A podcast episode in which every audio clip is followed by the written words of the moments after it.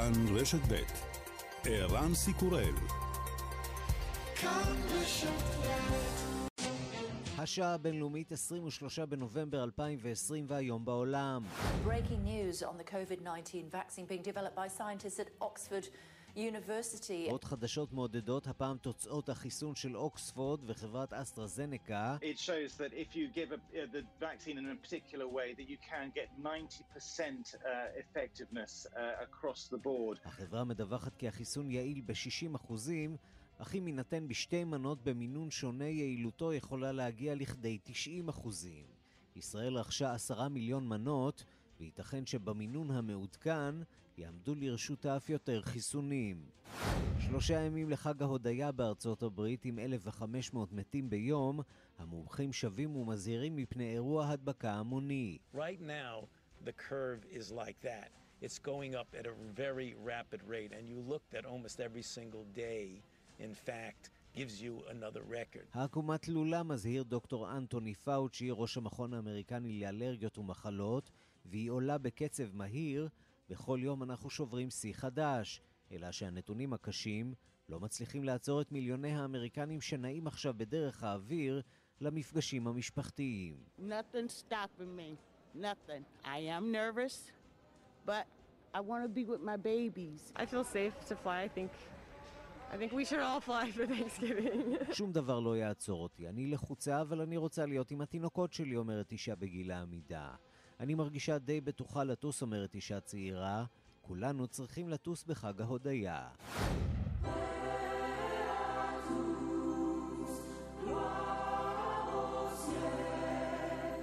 כבר עכשיו ברור שיהיה זה חג מולד שונה לחלוטין. דבר אחד לא השתנה, ושם זה לזה כבר הדליקו את האורות שרבים ייאלצו לראות רק בטלוויזיה. En tant que voisin habitant le.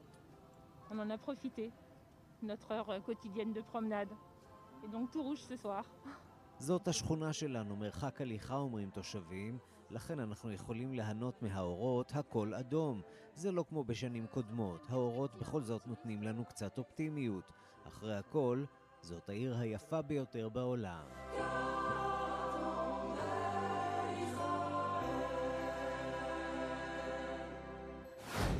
נשיא ארצות הברית ממשיך להיאחז בכיסאו, בעלי בריתו במפלגה הרפובליקנית כבר מכירים במציאות וקוראים לו לרדת מהעץ שעליו טיפס, בהם מושל פנסילבניה לשעבר קריס קריסטי. What's happened here is, quite frankly, the conduct of the president's legal team has been a national embarrassment. הצוות המשפטי של הנשיא הוא מבוכה לאומית, אנחנו לא יכולים להמשיך להתנהג כאילו לא קרה כאן כלום. ג'ו ביידן בוחר בשר החוץ הבא, ככל הנראה מדובר ביועצו המדיני היהודי אנטוני בלינקן, מי שהיה בעבר סגנו של מזכיר המדינה לשעבר ג'ון קרי. בלינקן לא יעשה חיים קלים לישראל, אבל בהחלט אפשר להגדירו כידיד אמת. Uh, uh, uh,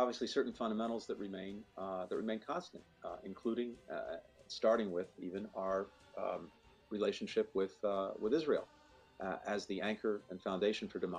uh, uh. That won't change. Uh, the commitment to Israel's security uh, is not going away. ישראל היא עוגן דמוקרטי במזרח התיכון, אמר לפני חודשים אחדים. ארצות הברית מחויבת לביטחונה של ישראל. וגם...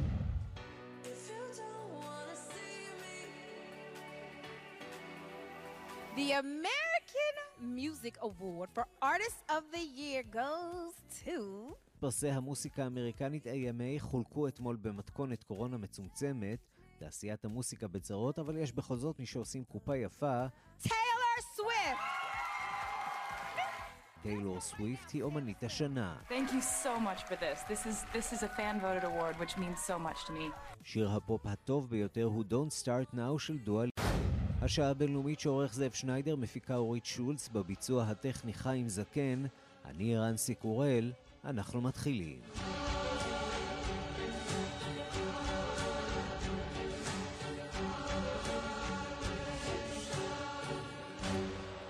שלום רב לכם. האם דונלד טראמפ מאבד את תמיכת המפלגה הרפובליקנית במלחמתו נגד תוצאות הבחירות? אתמול יצאו נגדו עוד כמה בכירים, אבל טראמפ ממשיך במאבק שלו. שלום לנתן גוטמן, כתבנו בוושינגטון. שלום ערן. האם אנחנו מתקרבים לרגע שבו הרפובליקנים באים לנשיא ואומרים לו, אדוני, הכל נגמר, תתחיל לארוז חפצים? זאת השאלה, בעצם כולם מסתכלים אחורה לסיפור של ריצ'רד ניקסון, שבסופו של דבר מה שהוביל אותו לעזוב את הבית הלבן היה כשבכירי הסנטורים הרפובליקנים באו ואמרו לו, תשמע, אנחנו נתמוך בהדחה שלך, במשפט ההדחה שלך, כדאי שתלך לבד. הרגע הזה, הרגע הניקסוני הזה לא קורה בינתיים, אבל יותר ויותר אנשים בתוך המפלגה שמענו את קריס קריסטי בפתיחה, הסנטור פאט טומי, העיתונאי בוב וודוורד מפרסם שיש לו מספר גדול של סנטורים רפובליקנים שמדברים בצורה עוינת כלפי טראמפ, שמביעים בוז כלפיו, שאומרים שהוא צריך לקבל את זה. הכל קורה מסביב, אבל טראמפ עדיין לא מרגיש את זה, גם כי הוא מבודד בתוך הבועה שלו, וגם כי הציבור, הציבור שלו לפחות, הם עדיין איתו, ולכן הוא ממשיך במאבק הזה, גם המאבק הציבורי, גם המאבק המשפטי, וזה אפילו מגיע לרמות שבו בתוך הצוות המשפטי שלו כבר יש חיכוכים לא נעימים. בואו נשמע רגע דברים שאומרת עורכת הדין סידני פאול, ומיד נסביר איפה היא בתמונה הזאת. הנה.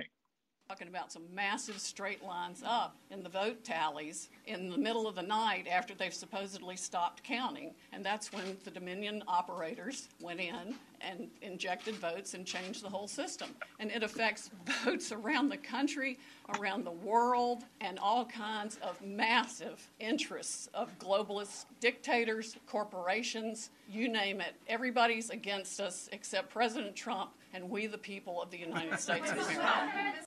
כן, אומרת עורכת הדין סידני פאול, כולם נגדנו, והיא זורקת שם פנימה כמובן את הגלובליסטים, שזה עם, שם קוד ליהודים לא פעם, והתאגידים הגדולים, הם כולם נכנסו למחשבים של חברת דומיניון באמצע הלילה ושינו את התוצאות, הסיפורים המומצאים האלה מוכרים היטב. היא הייתה אחת מעורכות הדין הבולטות שדיברו בזכותו של דונלד טראמפ, אבל אז היא עשתה טעות והאשימה גם את הממסד הרפובליקני במזימה הזאת, ובשלב הזה הקמפיין של טראמפ הוציא הודעה שאומר האישה הזאת לא מייצגת אותנו יותר, היא לא חלק מצוות ההגנה שלנו, כי אפילו שם קשה למצוא אנשים שבאמת ילכו עם הקו הזה של הנשיא, שהקו הזה שכולל לפחות מבחינה עניינית כרגע ערעורים על התוצאות, בקשות לספירה חוזרת ותביעות משפטיות לשנות את הספירה או לפסול קולות.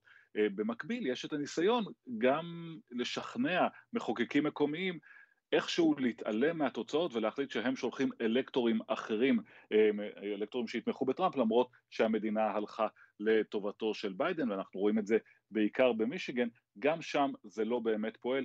הנה חבר מחוקק רפובליקני ממישיגן, פול מיטשל, בואו נשמע קטע מדבריו. Well, you know what? The voters have spoken. I mean, here in Michigan, it was 154,000 vote margin uh, by President-elect Biden. Uh, no one has come up with any evidence of fraud or abuse. All 83 counties now have certified their own election uh, results. Uh, those will be officially tabulated, or they should be tomorrow. We expect that that process move forward and let the voters, not the politicians, speak. כן, זאת השורה התחתונה, זה נשמע מובן מאליו, אבל צריך להגיד את זה גם בבחירות האלה, הבוחרים אמרו את שלהם, הבוחרים הם אלה שמחליטים, לא הפוליטיקאים, ואת זה כאמור אומר רפובליקנים ממישיגן. ועדיין אתה מצליח לקרוא בין השורות ולא בין השורות של רפובליקנים רבים, אמריקנים רבים בשטח.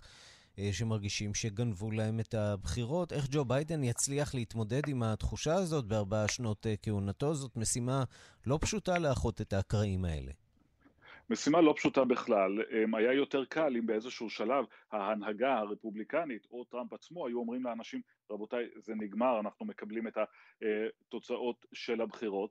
אפשר להסתכל אחורה קצת לניסיון ההיסטורי של שנת 2000 בוש נגד גור הרבה מאוד דמוקרטים חשו שבית המשפט העליון גנב להם את הבחירות, שהפסיקה של בית המשפט העליון שהעניקה לבוש את פלורידה ואת הבחירות כולן הייתה לא במקומה, והיה להם קשה לקבל את זה. ראינו שגם בסקרים אז רבים חשבו שזה לא הוגן, אבל היה הבדל. היה הבדל כי אז הטענה הייתה שהפסיקה של בית המשפט הייתה לא נכונה, לא שהייתה מזימה נגד הנשיא הנבחר והנשיא שניצח לדעתם.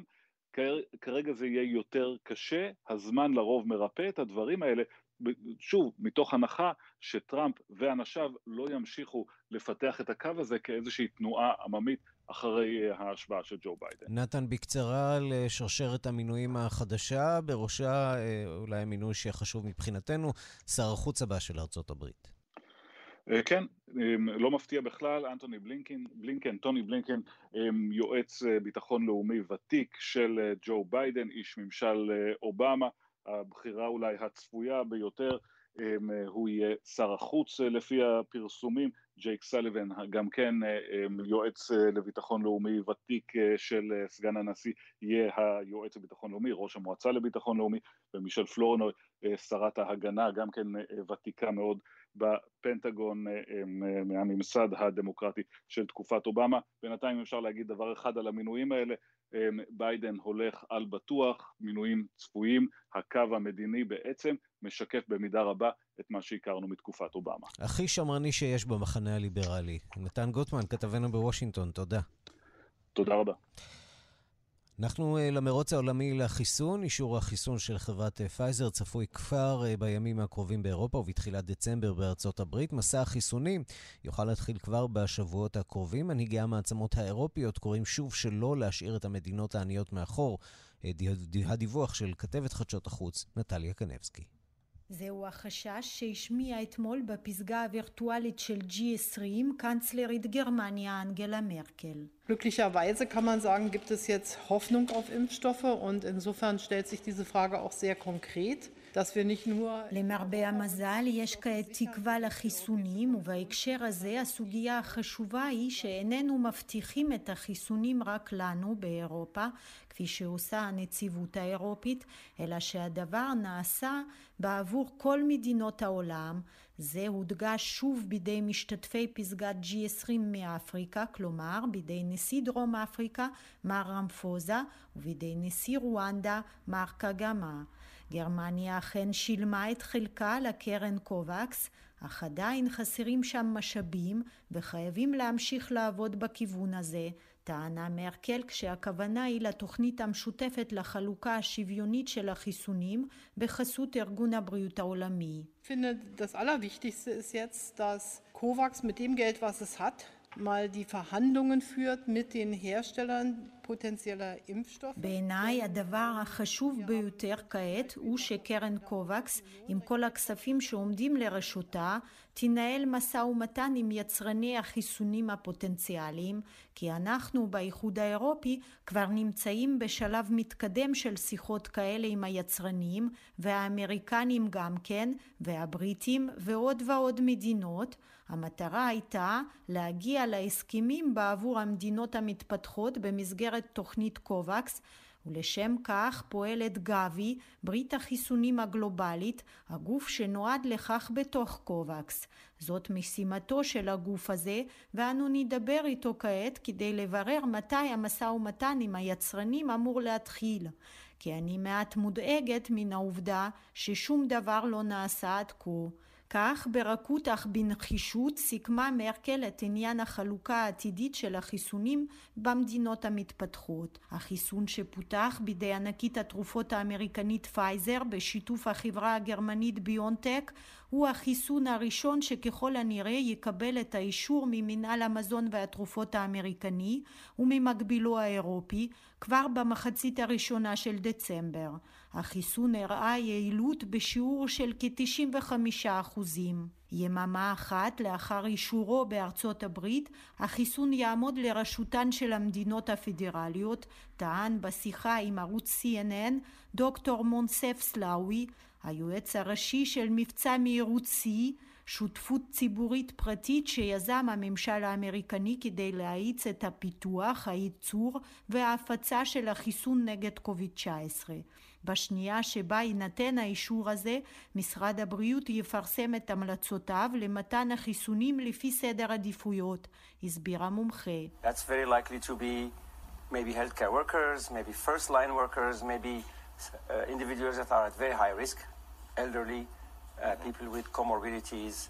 We will have already identified with each state סביר להניח שהראשונים יהיו עובדי מערכת הבריאות, העובדים של מה שנקרא הקו הראשון, ייתכן שזה יכלול גם את האנשים שבקבוצת סיכון גבוה, אנשים מבוגרים ובעלי מחלות רקע, עד אז אנו כבר נחליט עם כל אחת מן המדינות ועם משרד הבריאות היכן יוחסנו החיסונים.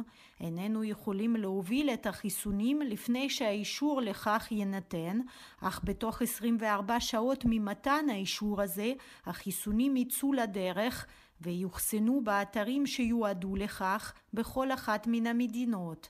לדברי דוקטור סלאוי, החיסונים יחולקו בצורה פרופורציונלית למספר התושבים בכל מדינה בארצות הברית. 59 מיליון בני אדם כבר נדבקו בנגיף אה, קורונה, והמספר הזה עוד אה, צפוי לעלות עד שיגיעו החיסונים. הדרך עוד ארוכה, אבל יש כבר אה, סימנים קצת מעודדים מכמה מדינות. בספרד, אחד ממוקדי התחלואה הקשים באירופה, נרשמים בכל זאת איתותים מעודדים. הממשלה המרכזית מודיעה על תוכנית לאומית לחיסון המוני של האוכלוסייה. מניין הנדבקים שם נמצא במגמת ירידה, ולקראת חג המולד מתחילים לאט לאט להסיר את ההגבלות המחמירות על הציבור. שלום לכתבנו בן יניב. כן, שלום ערן. התקווה היא שאפשר יהיה אולי אה, לחגוג משהו שקצת דומה לחג מולד רגיל. אה, נכון, אנחנו יודעים, ספרד, אה, כמו מדינות רבות באירופה, במיוחד אלו של החלק הדרומי של היבשת, מאוד מחוברות אה, למסורות הנוצריות, וחג המולד הוא בהחלט נמצא עכשיו בראש הסדר היום של הספרדים, מהממשלה ועד האזרח הקטן שמתכוננים לקראת החג הזה.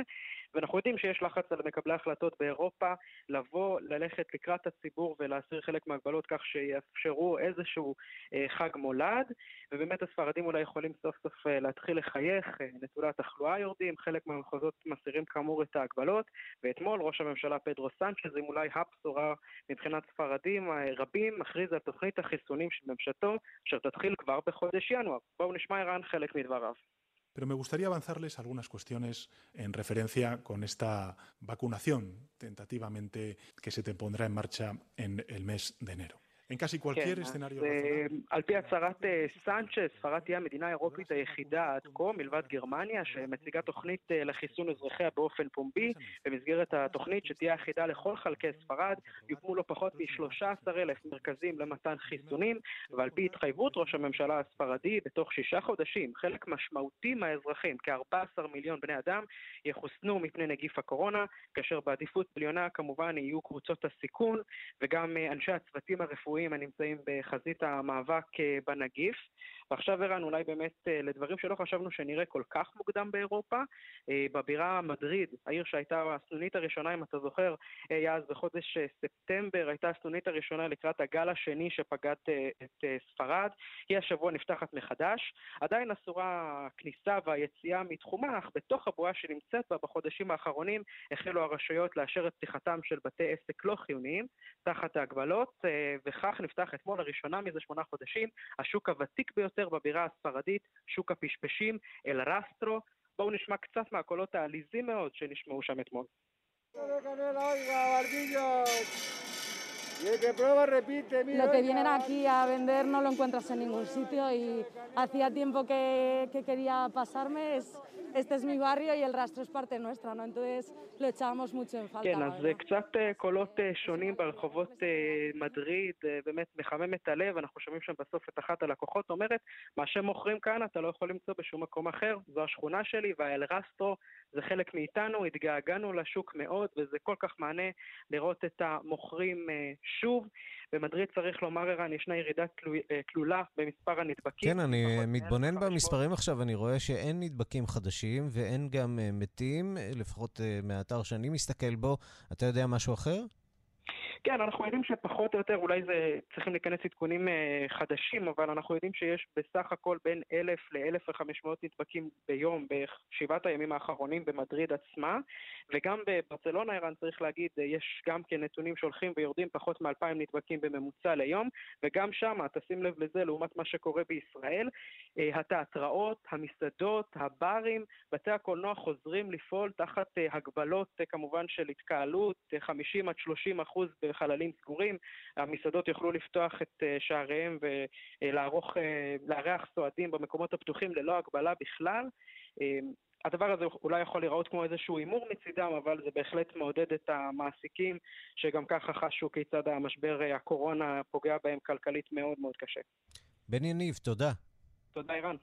ומה קורה בבריטניה? שם המצב חמור ביותר. שלום לעידו סואן, כתבנו בלונדון. שלום, שלום, ערן. אנחנו רוצים לדבר על חיסון הקורונה של אוניברסיטת אוקספורד וחברת התרופות אסטרזנקה, שהיום נמסר שהוא הצליח להשיג 70 אחוזים של הגנה מפני הנגיף בקרב קבוצות הניסוי. ותוצאות של 90 אחוזים במינונים אחרים, אופטימליים. נסה קצת להסביר בהחלט. לנו מה בעצם אומרות המסקנות של, של אסטרזנקה.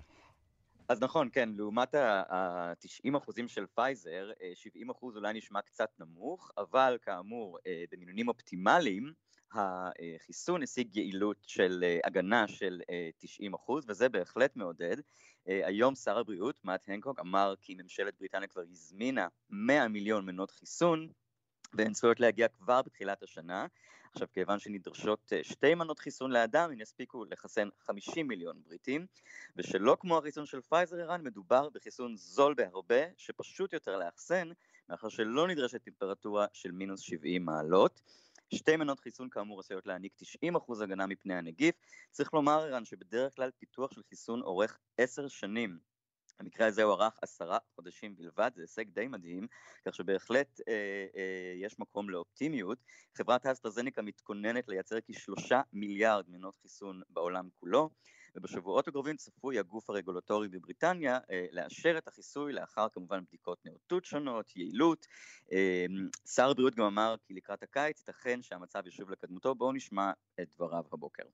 Subject to that approval, we hope to be able to start vaccinating next month. The bulk of the vaccine rollout program will be in uh, January, February, March. And we hope that sometime after Easter, things will be able to start to get back to normal. כפוף לאישור של הגוף הרגולטורי, נקווה להתחיל לחסן כבר בחודש הבא, כשאת רוב החיסונים נוציא לפועל בינואר, פברואר, מרץ, ולקראת הפסחא אנו מקווים שנוכל להתחיל לחזור לשגרה. בהמשך הוא אמר את הדברים הבאים.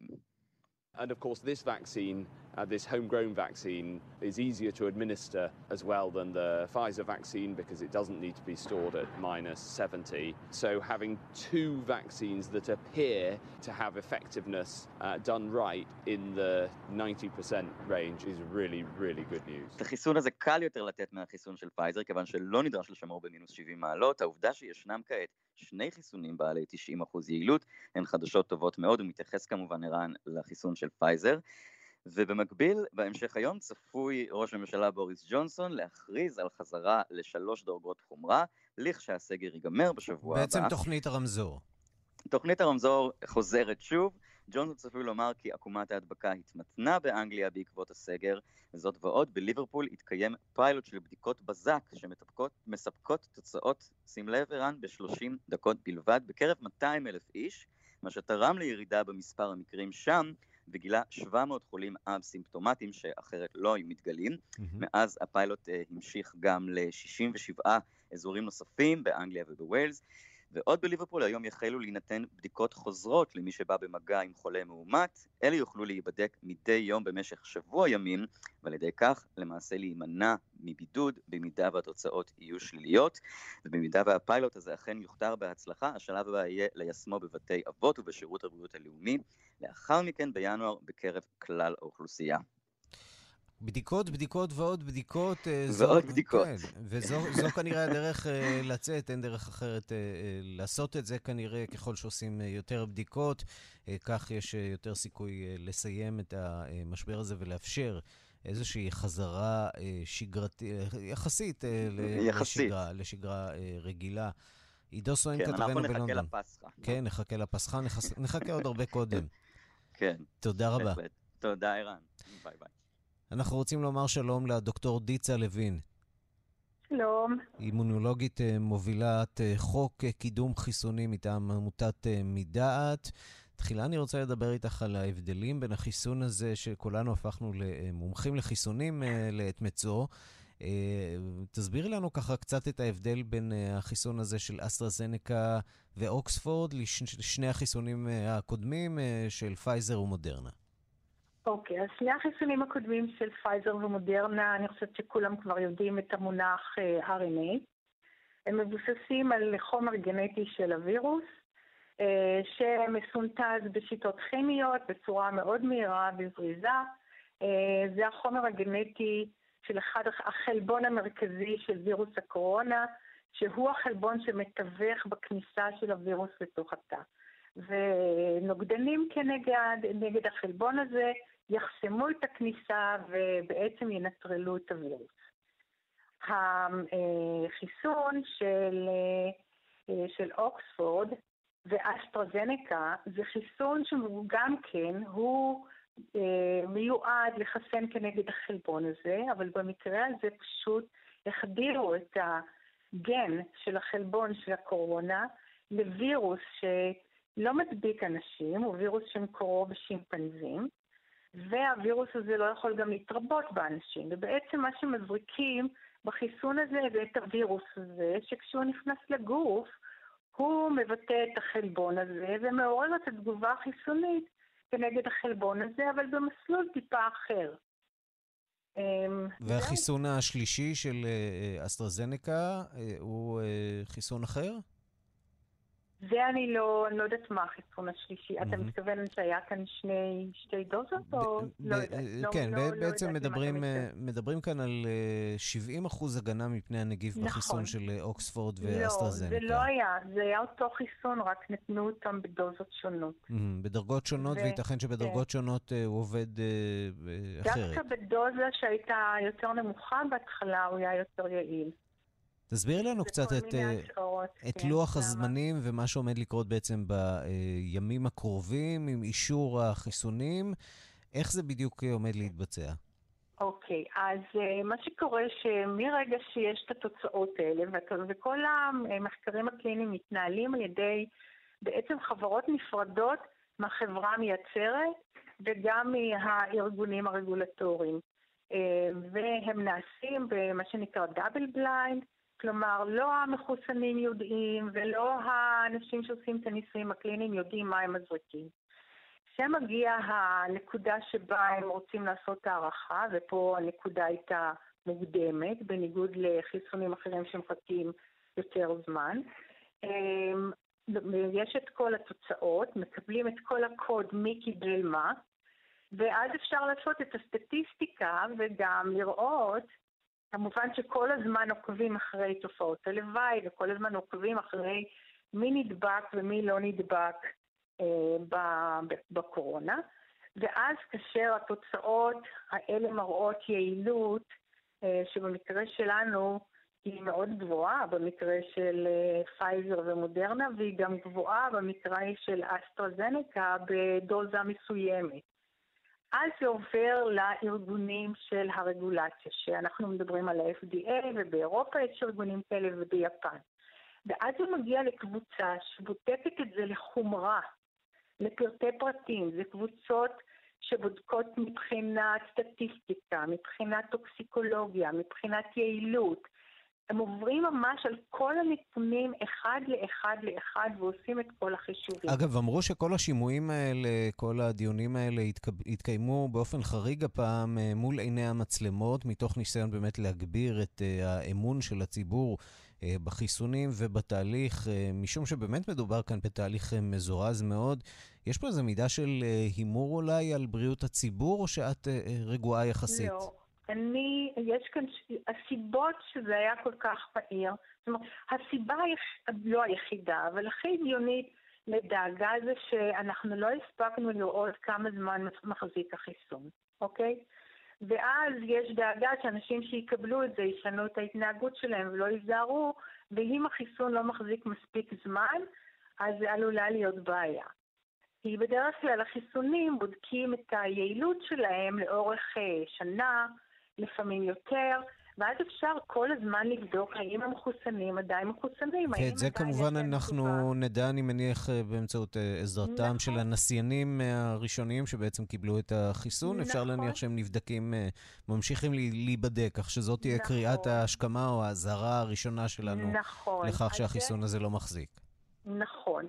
כי המהירות פה הייתה בגלל שתי סיבות. סיבה אחת, שעוד לפני שה-FDA במקרה הזה נותן אישור להיכנס לניסויים קליניים, כל התהליך עובר בדיקה מחמירה. בעצם כל, אה, בכל מבחנה שמשתמשים, כל מדיום שמשתמשים, כל שיטה שמשתמשים עוברת הערכה ובדיקה פיזית ממש, וצריכה לקבל אישור של ה-FDA. במקרה הזה, מאחר והטכנולוגיות שהם נתנו להם אישור להיכנס לניסויים קליניים כבר היו קיימות, זה ה, לפי דעתי הנקודה שהיא לא מספיק ידועה. הטכנולוגיה של חיסונים עם RNA קיימת כבר הרבה שנים. אמנם לא הגיעה בעצם להבשלה של שימוש בחיסון או בתרופה, אבל היא נוסתה בכל מיני ניסויים קליניים כבר, אפילו מודרנה עשתה שני ניסויים קליניים באותה טכנולוגיה, אמנם על מחלות אחרות. וזה אומר שבמגפה הבאה אנחנו אה, ערוכים אולי טוב יותר, או יש יכולת לזרז את התהליכים יותר ממה שהם זורזו אה, הפעם, אם תהיה שוב התפרצות של אה, נגיף קורונה מסוג אחר, או אולי וירוס בהחלט אחר? בהחלט כן, בהחלט כן, כי הטכנולוגיה קיימת, והטכנולוגיה עכשיו לעשות ייצור בכמויות ענקיות, זה גם כן שלב שלוקח הרבה זמן בדרך כלל, אבל פה המערכות אה, ייצור כבר הוכנו מראש, אפילו שלא ידעו mm-hmm. איזה חברה תגיע לסוף בהצלחה. אה, טוב, זה כבר קיים. נקווה שנגיע כמה שיותר מהר ליום שבו נוכל uh, להתחסן, כן. וגם שיהיה שיתוף פעולה. של הציבור כן. בעניין כן. הזה. כן. נכון. עוד מילה אחת, כן. זה לא מספיק אם אנשים חוששים. זה שה-FDA למשל ייתן רישיון לייצור והפצה זה לא מספיק. אה, ועדת מומחים נפרדת בכל מדינה, כולל במדינת ישראל, עוברת עוד פעם על התוצאות האלה ועוד פעם בודקת, יעיל, בטוח, האם מונע מחלה, כמה, כמה מחלות זה, זה ימנע. ואז הם ממליצים לממשלה אצלנו, במקרה שלנו, ובארצות הברית הם ממליצים עוד עדיין לא לממשלה, אלא ל-CDC, המרכז לבקרת מחלות, mm-hmm. והם אומרים עוד פעם, ורק אחרי שהם מאשרים זה נכנס ממש לשגרה של חיסון. אני מניח שהציבור אה, ישתכנע ברגע שהוא יראה את המנהיגים שלו מתחסנים. אנחנו מצפים לראות את uh, ממשלת ישראל uh, עומדת ראשונה בתור ומתחסנת, גם כדי שהיא תוכל לתפקד בצורה יעילה יותר, וגם כדי שתיתן דוגמה... לציבור. נקווה שזה יקרה כמה שיותר מהר. דוקטור כן. דיצה לוין, אימונולוגית מובילה חוק קידום חיסונים מטעם עמודת, עמותת מדעת. תודה רבה לך על הדברים. בבקשה. השעה הבינלאומית היסטוריה בצרפת, נשיא הרפובליקה לשעבר על ספסל הנאשמים בפרשת שחיתות, הנשיא לשעבר ניקולא סרקוזי נאשם אה, בקבלת אה, מימון למערכת הבחירות שלו משליט לוב לשעבר קדאפי. הדיווח של כתבנו בפריז, גדעון קוץ. זו הפעם השנייה שנשיא צרפתי לשעבר עומד לדין באשמת שחיתות. בשנת 2011 נשפט הנשיא לשעבר המנוח ז'אק שיראק לשנתיים מאסר על תנאי בפרשת המשרות המדומות שיצר למקורביו. כשהיה ראש העיר פריז, אבל זו הפעם הראשונה שנשיא לשעבר יושב בפועל על ספסל הנאשמים שרק לא הגיע בשעתו בגלל מצב בריאותו על ספסל הנאשמים אמורים לשבת איתו פרקליטו טיירי הרצוג והשופט לשעבר ז'ילבר אזיבר. תחילתה של הפרשה בהאזנות של המשטרה לטלפון של סרקוזי ב-2013 במסגרת הפרשה הרחבה יותר הנחקרת עד היום של האשמות בכך שסרקוזי נהנה ממימון נדיב מצידו של שליט לוב המנוח מועמר קדאפי במערכת הבחירות של 2007. החוקרים גילו כי שני קווים חדשים נפתחו והם שימשו בלעדית לשיחות בין סרקוזי לעורך הדין שלו. סרקוזי פתח את הקווים תחת שם בדוי פול ביסמוט. החוקרים גילו כי העובדה שהטלפון שלו תחת האזנה נמסרה לו על ידי שופט בבית המשפט לערעורים ממכריו בשם ז'ילבר אזיבר, שגם התערב, כך עולה מן האזנות, בחקירה בפרשה זו ואחרות לטובתו של סרקוזי והדליף לו מידע חסוי מהחקירות. בתמורה סרקוזי ביקש מנסיך מונקו לסדר לאזיבר משרה בכירה בפרקליטות הנסיכות העשירה. בינתיים הפכו השיחות בקווים של פול ביסמוט למעורפלות יותר.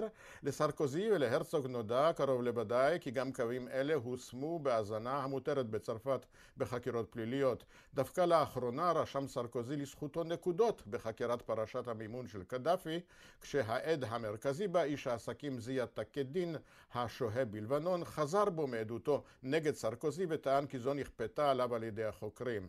בינתיים ביקש אזיבר את דחיית המשפט מטעמי בריאות, אבל סרקוזי ופרקליטו דווקא מעוניינים להישפט ולהוכיח את צדקתם, גם אם לדעת הנשיא לשעבר מדובר בשערורייה חסרת תקדים. une conversation, ce qui est à proprement parler scandaleux, entre un avocat et son client, ce qui est contraire מצוטטים לשיחות בין עורך דין ללקוחו זוהי שערורייה ובניגוד לפסיקת הדין האירופי לזכויות האדם. העובדה שהיה לי טלפון כדי לשוחח עם פרקליטי אינה הופכת אותי לעבריין. מכל מקום לסרקוזי מצפות עוד פרשיות משפטיות דווקא בשעה שיש המזכירים את שמו כמתמודד אפשרי בבחירות לנשיאות ב-2022. כאן גדעון קוץ, מפריז. מכאן לבלארוס עוד יום של הפגנות נגד הנשיא לוקשנקו ודיווחים על מאות עצורים נוספים בהתנגשויות אלימות עם כוחות הביטחון במינסק. הדיווח של כתבנו במזרח אירופה, ניסן צור. שלום ערן, עוד יום של הפגנות בבלארוס וכמעט כמו בכל יום ראשון גם אתמול ההפגנות התפתחו לכדי התנגשויות אלימות בין עשרות אלפי המפגינים לכוחות גדולים של המשטרה שהתפרסו ברחובות מינסק. על פי הדיווחים נעצרו כמעט 300 בני אדם בהפגנה אתמול ופרט אה, מעניין נוסף שצץ בימים האחרונים בעיקר ברשתות החברתיות היא טענה שכוחות המשטרה הבלארוסים מרססים את בגדיהם של העצורים בספרי בצבעים שונים על פי מידת האלימות שהפגין לטענתם אותו אדם שנעצר על מנת שיקבעו לאחר מכן עד כמה קשה להכות או לענות אותו. אלו שהתנגדו למעצר או השתמשו באלימות על פי השוטרים רוססו בצבע אדום על מנת לסמן לאחר מכן שהם יוכו בצורה קשה יותר מאשר מפגינים אחרים. בימים האחרונים העלו הרבה מאוד גולשים בבלארוס תמונות של בגדי מפגינים שנעצרו ורוססו בצבעים שונים על ידי השוטרים בכדי לסמן אותם. ההפגנה אתמול התקיימה בצל הלווייתו ביום שישי האחרון של רומן בונדרנקו, תושב מינסק בן 31, שניסה לפני כעשרה ימים לעצור שוטרים שהסירו שלטי מחאה נגד לוקשנקו והוא הוכה על ידם למוות. אלפי אנשים לקחו חלק במסע ההלוויה שלו ביום שישי, מה שכמובן גרר גם זעם עצום ותסכול בהפגנה שהתקיימה אתמול. בינתיים, לאחר שהאיחוד האירופי הודיע על הטלת סנקציות נגד לוקשנקו ובכירי המשטר שלו, מגיע איום בתגובה מצד השלטונות במינסק. שר החוץ הבלארוסי ולדימיר מקיי אמר כי בלארוס תטיל סנקציות על בכירים באיחוד האירופי וממדינות אירופה נוספות. מקיי אמר כי אם הם יפגעו בנו, אם יטילו עלינו סנקציות, באופן טבעי נצטרך להגיב בצורה הדדית. אתם יודעים שהאיחוד האירופי הטיל סנקציות נוספות על כ-15 אנשים בבלארוס וגם אנו נרחיב את רשימת הסנקציות שלנו ונכלול בה בכירים מהאיחוד האירופי וממספר מדינות אירופיות. מקיי גם שלח איום מפורש כלפי מדינות שלטענתו מנסות לערער את המצב בבלארוס ואמר כי אם מישהו רוצה שריפה באזור הזה מינסק תדע איך להגיב ובמקרה כזה יהיה חם מאוד גם סביב בלארוס. נזכיר רק כי הנשיא לוקשנקו עצמו טען בימים האחרונים כי ארצות הברית הקימה מרכזי שליטה בוורשה בפולין ובקייב בירת אוקראינה ומשם לטענתו מנסים שירותי המודיעין האמריקאים לערער את היציבות בבלארוס ולעודד את ההפגנות נגדו. ניסן צור, פולין אנחנו לאתיופיה, למלחמה בין אה, הממשלה לחבל המורד, הטיגרינים. אה, ראש הממשלה אבי אחמד אה, מציב למנהיגי הטיגרין אולטימטום של 72 שעות להיכנע, והוא מאיים שכוחות הממשלה ימשיכו להיאבק כדי להשתלט על האזור. דיווחה של עורכת ענייני אפריקה, רינה בסיסט. המתיחות במדינת טיגרי שבאתיופיה מסלימה. כוחות הצבא ממשיכים לפעול נגד מנהיגי החזית העממית לשחרור טיגרי, ומספר הנפגעים ממשיך לעלות. ראש הממשלה אבי אחמד היה אתמול נחרץ. המסר שלו ללוחמים הטיגרינים היה ברור. אתם נמצאים בנקודת אל-חזור. עליכם לנצל את ההזדמנות האחרונה הזאת כדי להתפרק מנשקכם. לדבריו, אם המורדים הטיגרינים לא יתפרקו מנשקם בתוך שלושה ימים, הצבא יפעל נגדם בכל האמצעים העומדים לרשותו. בינתיים לא נראה כי מנהיגי החזית העממית לשחרור טיגרי מתרשמים מהאיום של אבי אחמד. אחד מראשי הארגון אמר אמש, כל עוד יהיו בטיגרי כוחות של כיבוש, לוחמי החזית העממית ימשיכו להיאבק. כמה שעות קודם לאולטימטום של אבי אחמד הודיע הצבא של אתיופיה כי בקרוב יפתח את המערכה הגדולה על העיר המרכזית מקלה. הצבא קרא ל-500 אלף התושבים באזור לפנות את המקום כדי שלא ייקלעו לקרבות. כבר בשבת הודיע הצבא כי כבש עיירות סמוכות למקלה, וכי ההתקפה הגדולה בו תבוא. אנשי החזית העממית טענו במהלך סוף השבוע כי בהפצצות של הצבא נגד אותן עיירות נהרגו גם אזרחים רבים. הממשלה דחתה את ההאשמות, אבל לנוכח ההפעלה הכללית של הרשתות החברתיות במדינת טיגריי קשה לדעת מה באמת מתרחש שם. בינתיים זרם הפליטים שבורח מטיגריי אל עבר הגבול עם סודאן רק ממשיך להתגבר והעדויות שלהם קשות במיוחד.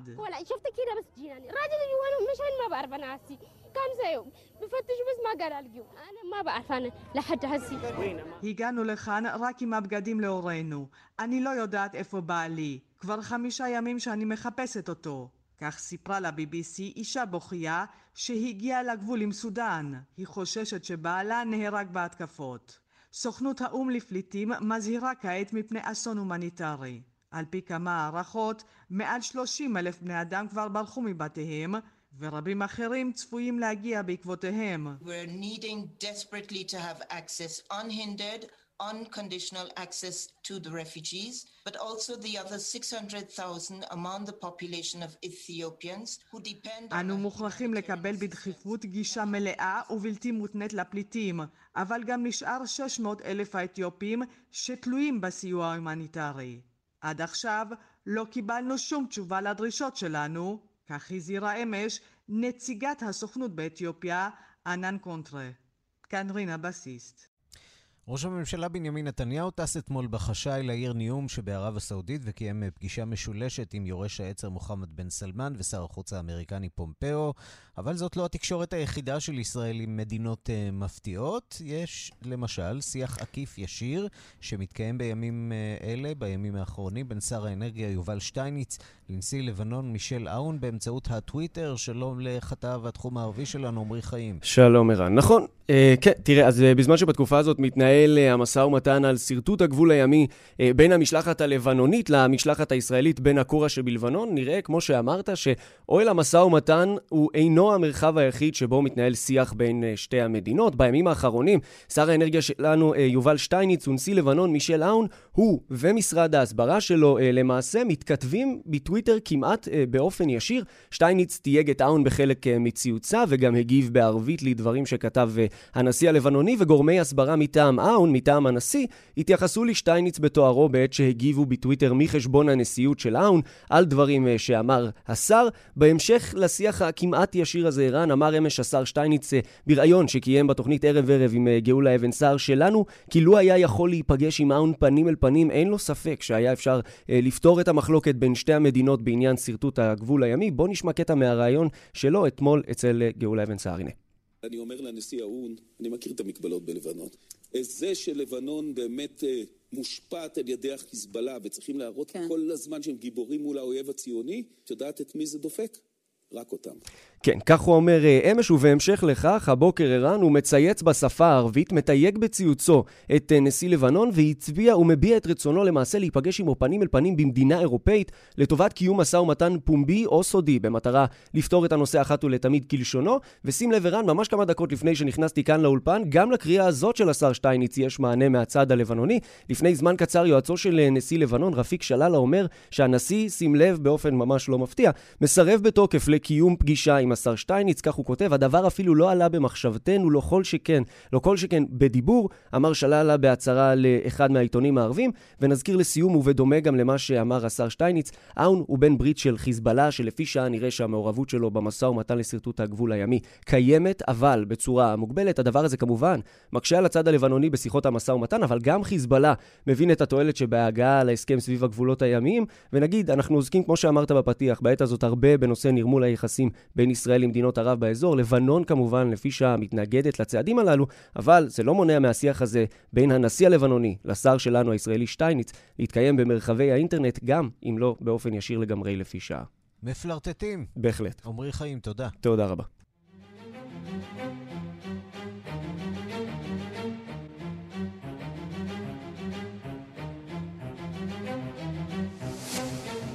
כאן השעה הבינלאומית, מהדורת יום שני, העורך הוא זאב שניידר, המפיקה אורית שולץ, הטכנאים חיים זקן ושמעון דוקרקר, אני רנסי קורל. מיד אחרינו רגעי קסם עם גדי לבנה, אנחנו נהיה כאן שוב מחר, ועד אז צרו איתנו קשר באמצעות כתובת הדואר האלקטרוני שלנו, בינלאומית את כאן.org.il. להתראות.